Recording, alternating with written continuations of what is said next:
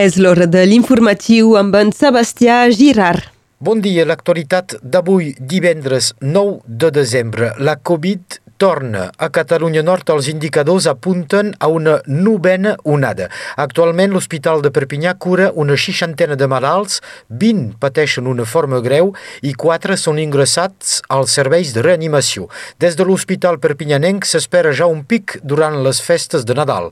Les temperatures baixes afavoreixen la circulació del virus, però segons els metges, la manca de vigilància, amb la quasi desaparició dels gestos barrera i el percentatge de vaccinació vaccinació molt feble expliquen aquest nou repic. Cal entendre que els vaccins efectuats l'any passat ja no serveixen per lluitar contra la forma actual de la Covid. Una catalana al cap del Conservatori del Litoral, la perpinyanenca Agnès Langevina, vicepresidenta regional per la transició ecològica, pren el cap del Consell d'Administració del Conservatori del Litoral. Agnès Langevina va ser elegida a la unanimitat. És la dotzena presidenta d'aquest establiment públic que s'encarrega de la protecció del litoral francès tant a Europa com als territoris ultramarins. A Catalunya Sud, dos Mossos d'Esquadra van ser detinguts per haver robat diners confiscats durant una intervenció. Els dos policies, un sergent i un caporal, seran perseguits per apropiació indeguda i falsificació de document públic. Eren especialitzats en investigacions contra organitzacions criminals que robaven material de camions estacionats en àrees de servei. En dos anys és el segon cas de corrupció al si de la policia catalana. El 2000 2020, tres Mossos d'Esquadra van ser detinguts a Girona acusats de traficar amb marihuana confiscada durant intervencions policials. Croàcia entra a l'espai Schengen. Els ministres d'Interior de la Unió Europea han donat llum verda a l'ampliació de l'espai Schengen amb l'entrada de Croàcia. Feia 10 anys que la Unió Europea no havia pas eixamplat aquest espai.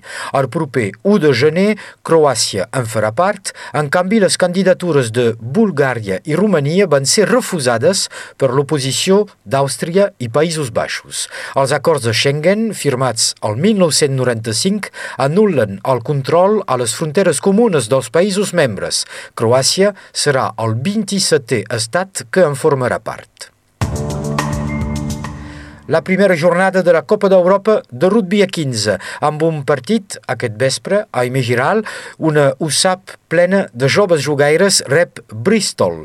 El partit començarà a les 8 del vespre i el podreu seguir en directe per Radio Arels amb el patrocini de la Plataforma per la Llengua. A 13 torna el derbi entre Sant Esteve 13 català i Pia. Feia 10 anys que els dos equips no s'enfrontaven. El partit se joga demà a l'estadi municipal de Sant Esteve a les 3 de la tarda.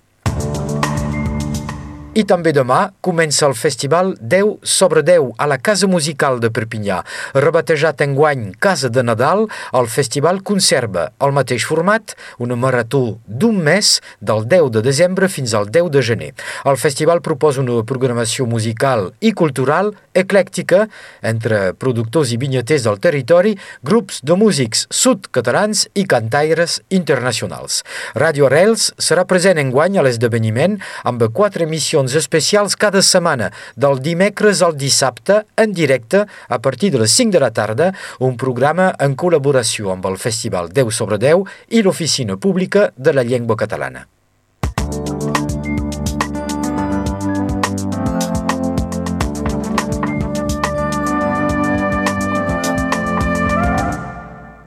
Moltes gràcies, Sebastià. Fins aquí les notícies. Completem uh, l'informació amb la previsió del temps i Meritxell Cristòfol.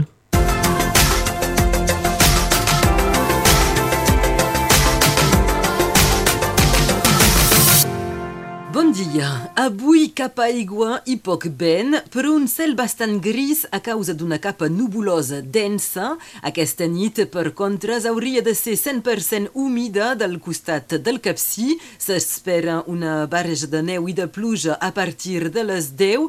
I parlant de pluja, aquesta hauria de caure també més o menys al mateix moment sobre els teulats conflentins.